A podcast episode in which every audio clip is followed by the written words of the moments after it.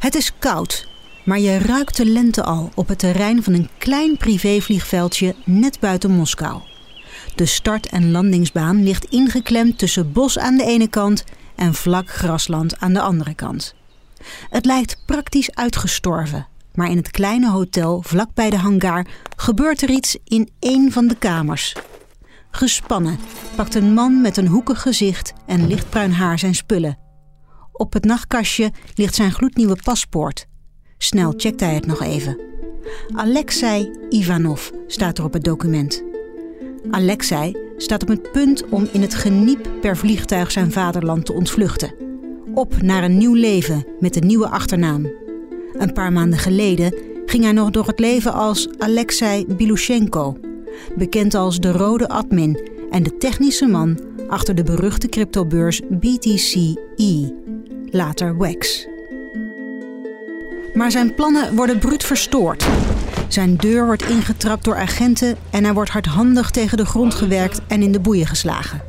Zijn twee koffers met daarin voor 3 miljoen euro aan contant geld worden direct in beslag genomen.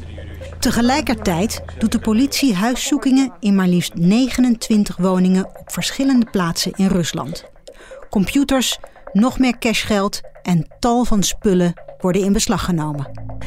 Het is game over voor de rode admin. Hij realiseert zich dat hij definitief verloren heeft.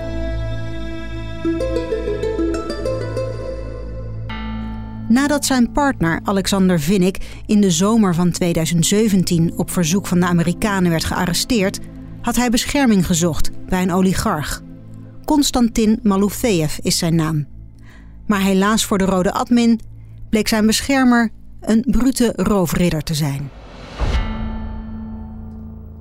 Dit is de Koude Crypto-oorlog. De podcast waarin ik, Eline Ronner, het spoor van mijn gestolen bitcoins volg.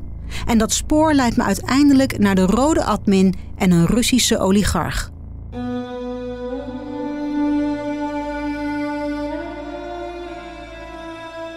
Dit is aflevering 6. Roofridder. Hoe een oligarch de hand wist te leggen op miljoenen euro's aan gestolen bitcoins. Waarschijnlijk ook die van mij. Mijn zoektocht eindigt dus bij Konstantin Malofeev, die Russische oligarch. De reactie van Oost-Europa-expert Geert-Jan Haan bij het noemen van zijn naam spreekt boekdelen. Konstantin Malofeev, wie is hij? Wie is hij eigenlijk niet, zouden we ook kunnen vragen. Wel is Konstantin Malofeev het laatste stukje van de puzzel die nog niemand compleet heeft. En het plaatje dat ontstaat is ronduit lelijk. Maar daar kom ik zo op. De vorige afleveringen vertelde ik je natuurlijk al over hoe Mt. Gox ten onder ging. Het was de eerste beurs waarop je in bitcoins kon handelen. En ik deed dat ook. Helaas was Mt. Gox zo lek als een mandje en werd de beurs door hackers compleet leeggeroofd. Het gros van de gestolen bitcoins kwamen via Alexander Vinnik op zijn eigen beurs terecht, BTC-E. Een cryptobeurs waar allerlei criminele zaken deden, waaronder Fancy Bear. Je weet wel, die Russische hackers die de Amerikaanse presidentsverkiezingen probeerden te beïnvloeden.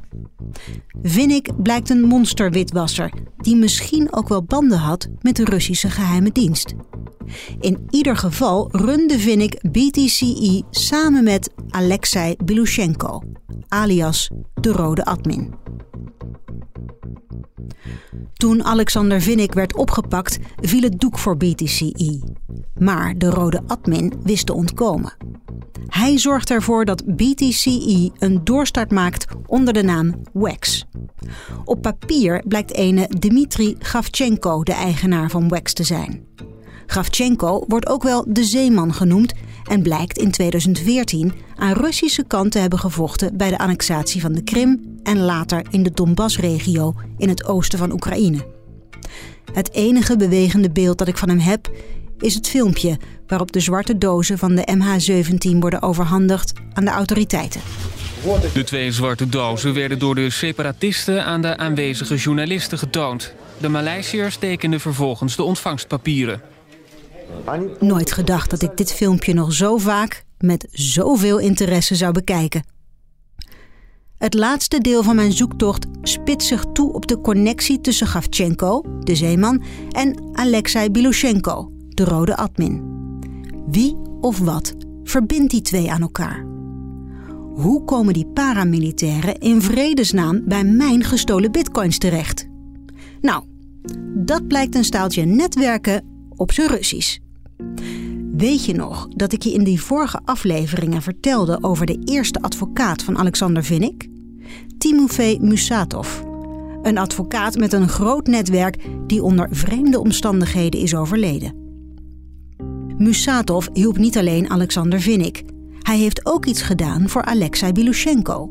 Sinds de arrestatie van zijn compaan Vinnik is de rode admin zich ervan bewust dat hij zowel in Moskou als in Washington op de radar staat. Hij heeft bescherming nodig op hoog politiek niveau. En iemand die daar wel de connecties voor heeft is Timofey Musatov. Het is Musatov die die rode admin in contact brengt met een oligarch, Konstantin Malofeev. Bij Oost-Europa-expert Geert-Jan Haan gaan er direct een paar belletjes rinkelen wanneer ik hem vraag naar Konstantin Malofeev. Een oligarch, een ticoon, een multimiljardair. Onder invloed van sancties staat hij. Hij is een Poetin-aanhanger. Hij is rechtsreligieus, orthodox, christelijk. Hij is eigenaar van nieuwswebsites. Hij is een waakhond. Hij heeft een tsaristische droom. Hij is God, volgens sommigen. De oligarch van God. En hij komt voor in een rijtje namen dat we misschien wel kennen. Onder andere uit de tijd dat MH17 werd neergehaald in 2014 in het oosten van Oekraïne. Waar toen, wat we nog noemden, separatisten met de scepter zwaaiden.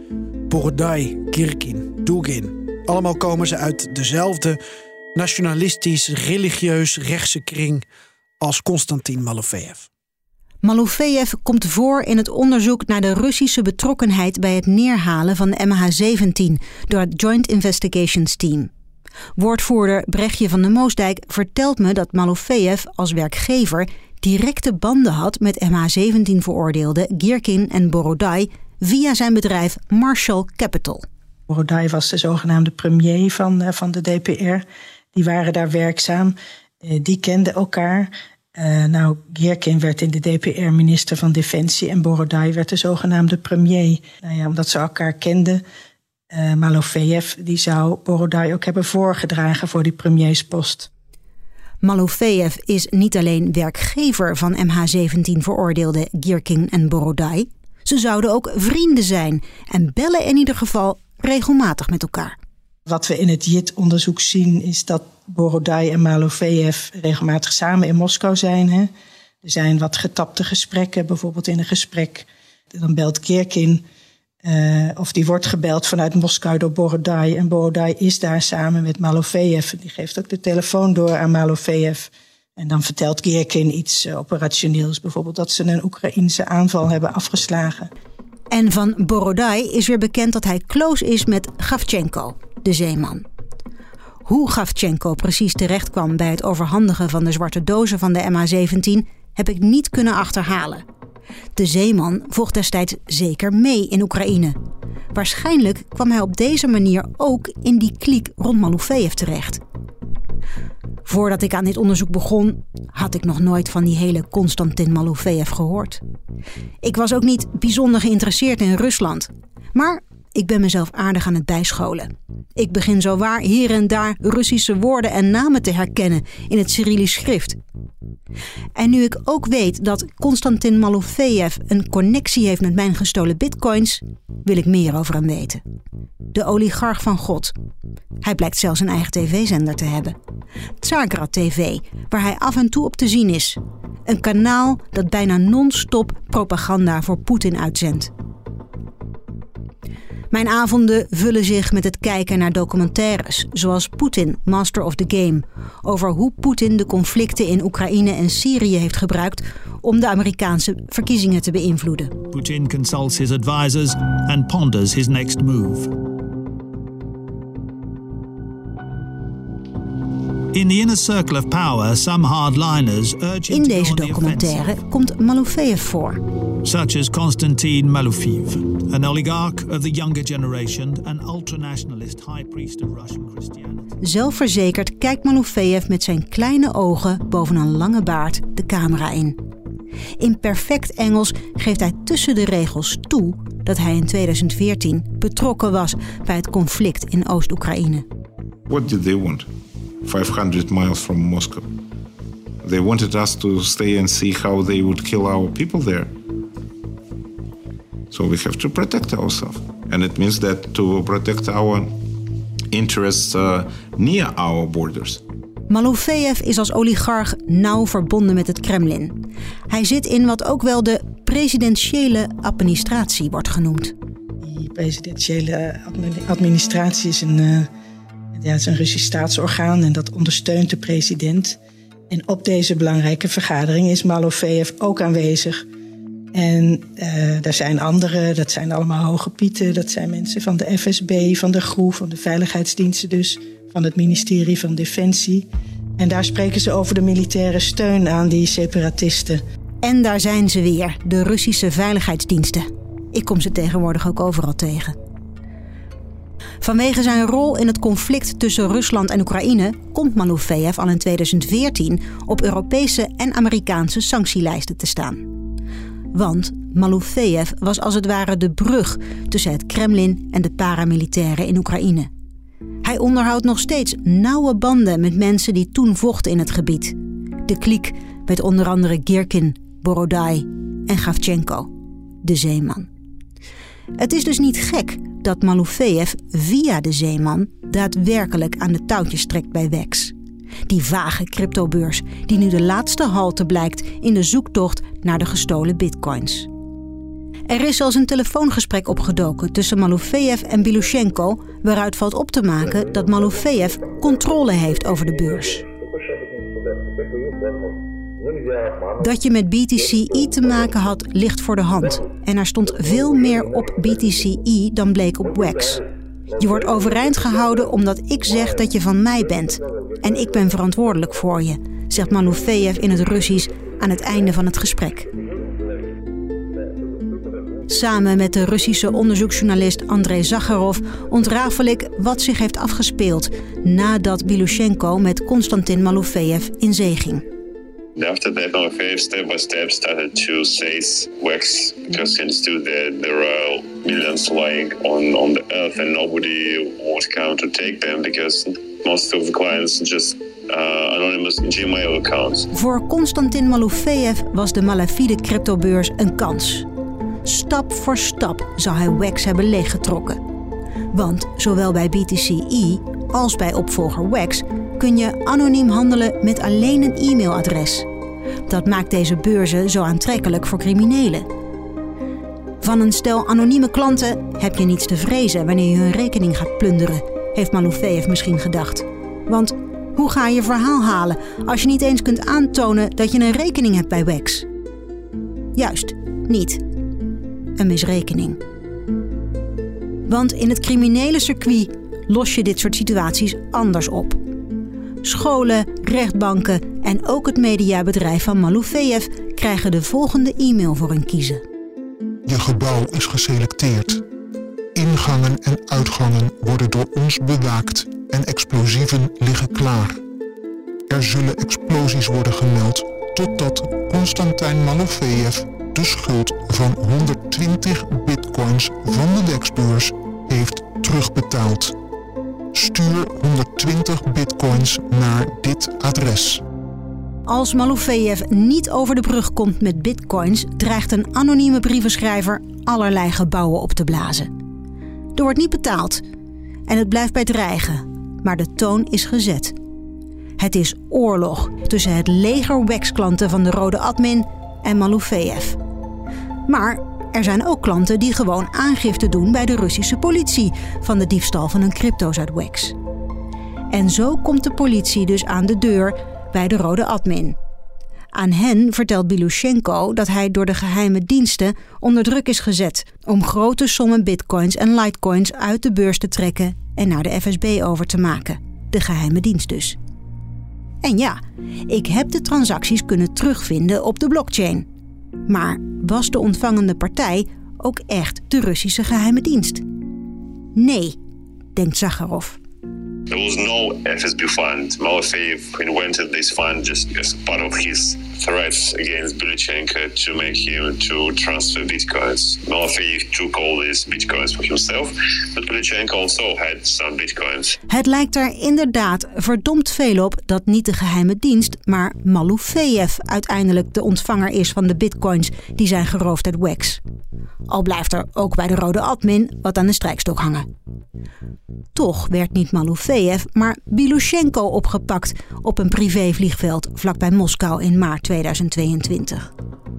Inmiddels zit ik in een Telegram-groep met daarin veel Russen die in het kamp van de rode admin zitten. Geen lievertjes. Ze vertellen mij dat de Russische autoriteiten Bilushenko beschuldigen van het stelen uit WEX. De plek waar mijn gestolen bitcoins uiteindelijk terechtkomen. Via de Russische staatstelevisie kijk ik naar de inval in het huis van de rode admin. Het is één van de 29 huizen waar de politie huiszoeking doet na de arrestatie van de rode admin op het vliegveld. Ik zie een enorme walk-in closet met dure kleding, gouden horloges, stapels met dollars. Het huis heeft zelfs een soort beveiligingskamer met allemaal schermen waarop beelden van beveiligingscamera's te zien zijn. Pilushenko lijkt in een soort luxe bunker geleefd te hebben.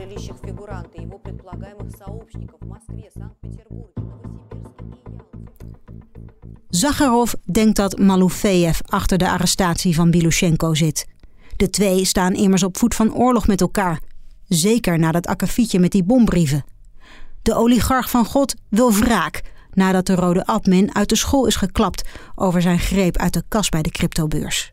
I think part of his motive was revenge because he understands that it was Belishenko's people who made this story public.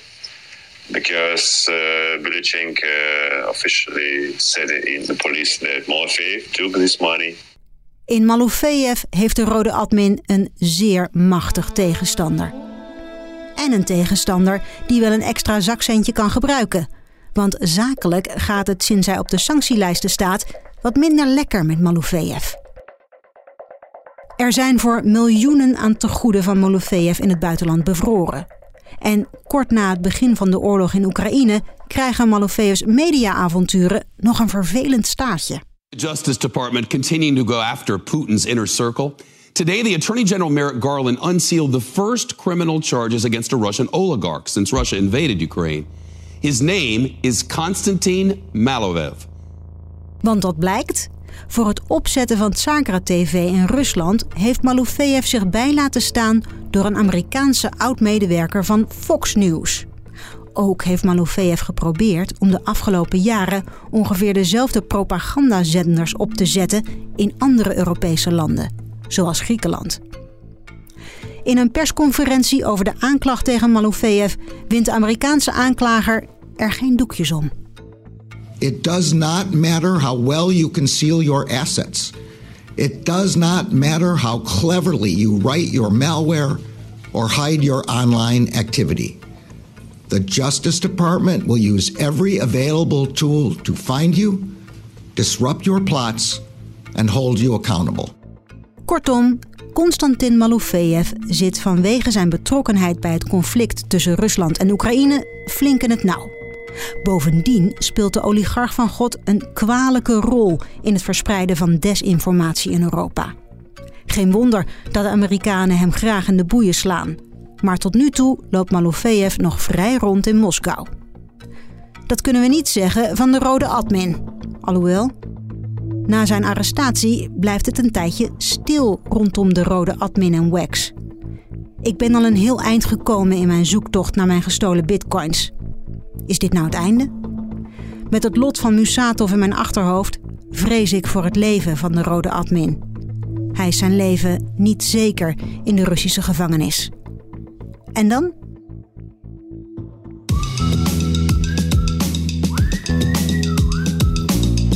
Tijd voor jouw dagelijkse blogs-update. We beginnen vandaag met een Bitcoin-wallet gelinkt aan de Mt. Gox hack, die na zeven jaar weer actief geworden is. Iemand heeft 10.000 bitcoins ter waarde van 165 miljoen dollar uit de beurs van de rode admin gehaald. Een klein deel is op een stel beurzen terechtgekomen, maar de meeste bitcoins komen in persoonlijke wallets terecht. Niet te linken aan een beurs. Bronnen speculeren dat deze bitcoins verdeeld zijn tussen de Russische geheime dienst en Malofeev. Maar direct bewijs voor deze theorie ontbreekt nog. Ik vind het wel een aannemelijke theorie dat Malofeev en wellicht de geheime dienst de ontvanger is van het laatste restje van de buitgestolen bitcoins. Maar bewijzen kan ik het nog niet. En ook weet ik nog steeds niet hoe het met de rode admin in de gevangenis gaat. Ik probeer informatie te krijgen via mijn contacten. Maar die hebben met de oorlog in Oekraïne nu wel wat andere dingen aan hun hoofd. Ik weet wel via via te achterhalen in welke gevangenis de rode admin zou moeten zitten en wie zijn advocaat is. Helaas wil zijn advocaat, ondanks mijn pogingen om contact te krijgen, niets zeggen over zijn cliënt. Maar ironisch genoeg heb ik in de tv-zender van Malofeev wel een nieuwe openbare bron aan informatie over de zaak. Want Malofeev gebruikt zijn Tsagra TV als een roeptoeter. Hij lekt er allerlei details over zijn rivaal, Pilushenko. En begin maart 2023 komt Tsagra TV met een explosieve mededeling. Goedenavond. We beginnen deze uitzending met een verklaring van de Nationale Veiligheidsdiensten. De FSB heeft aangekondigd dat ze een moordaanslag op Konstantin Maloveev heeft vereideld. Maloveev staat tevens aan het hoofd van Tsargrad TV. De Veiligheidsdienst zegt dat ze een bom onder de auto van Malofeev onklaar heeft gemaakt. Daarmee zou een aanslag op Malofeev zijn voorkomen. Al snel wordt er naar het westen gewezen als de kwade genius achter de aanslag. Maar wat is hier werkelijk aan de hand? En hoe loopt het af met de rode admin? Dat vertel ik je in de volgende en voorlopig laatste aflevering.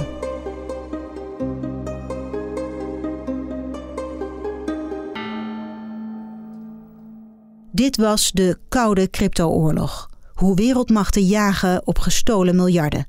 Een podcast van BNR Nieuwsradio gemaakt door mij, Eline Ronner. Tot stand gekomen met steun van het Fonds Bijzondere Journalistieke Projecten. Voor deze podcast heb ik ruim een jaar lang onderzoek gedaan, zowel online als offline. Ik heb gesproken met tientallen bronnen, boeken gelezen, juridische documenten doorgespit en, deels geautomatiseerd, het net afgestruimd. Mijn datasets passen inmiddels niet meer in Excel. Dit alles heeft als basis gediend voor de scènes zoals je ze hoorde in deze podcast. Wil je weten hoe dit verhaal afloopt? Abonneer je dan op deze podcast. Dan mis je niets. Bij BNR ben je altijd als eerste op de hoogte van het laatste nieuws. Luister dagelijks live via internet. Jelle Maasbach. Wesley Weert. We zijn er voor je met het leukste, opvallendste, maar natuurlijk ook het belangrijkste nieuws. Tijdens de presentatie van die halfjaarcijfers toen die beurskoers in elkaar kukkelde. BNR Beurs. Voor de slimme belegger. Blijf scherp en mis niets.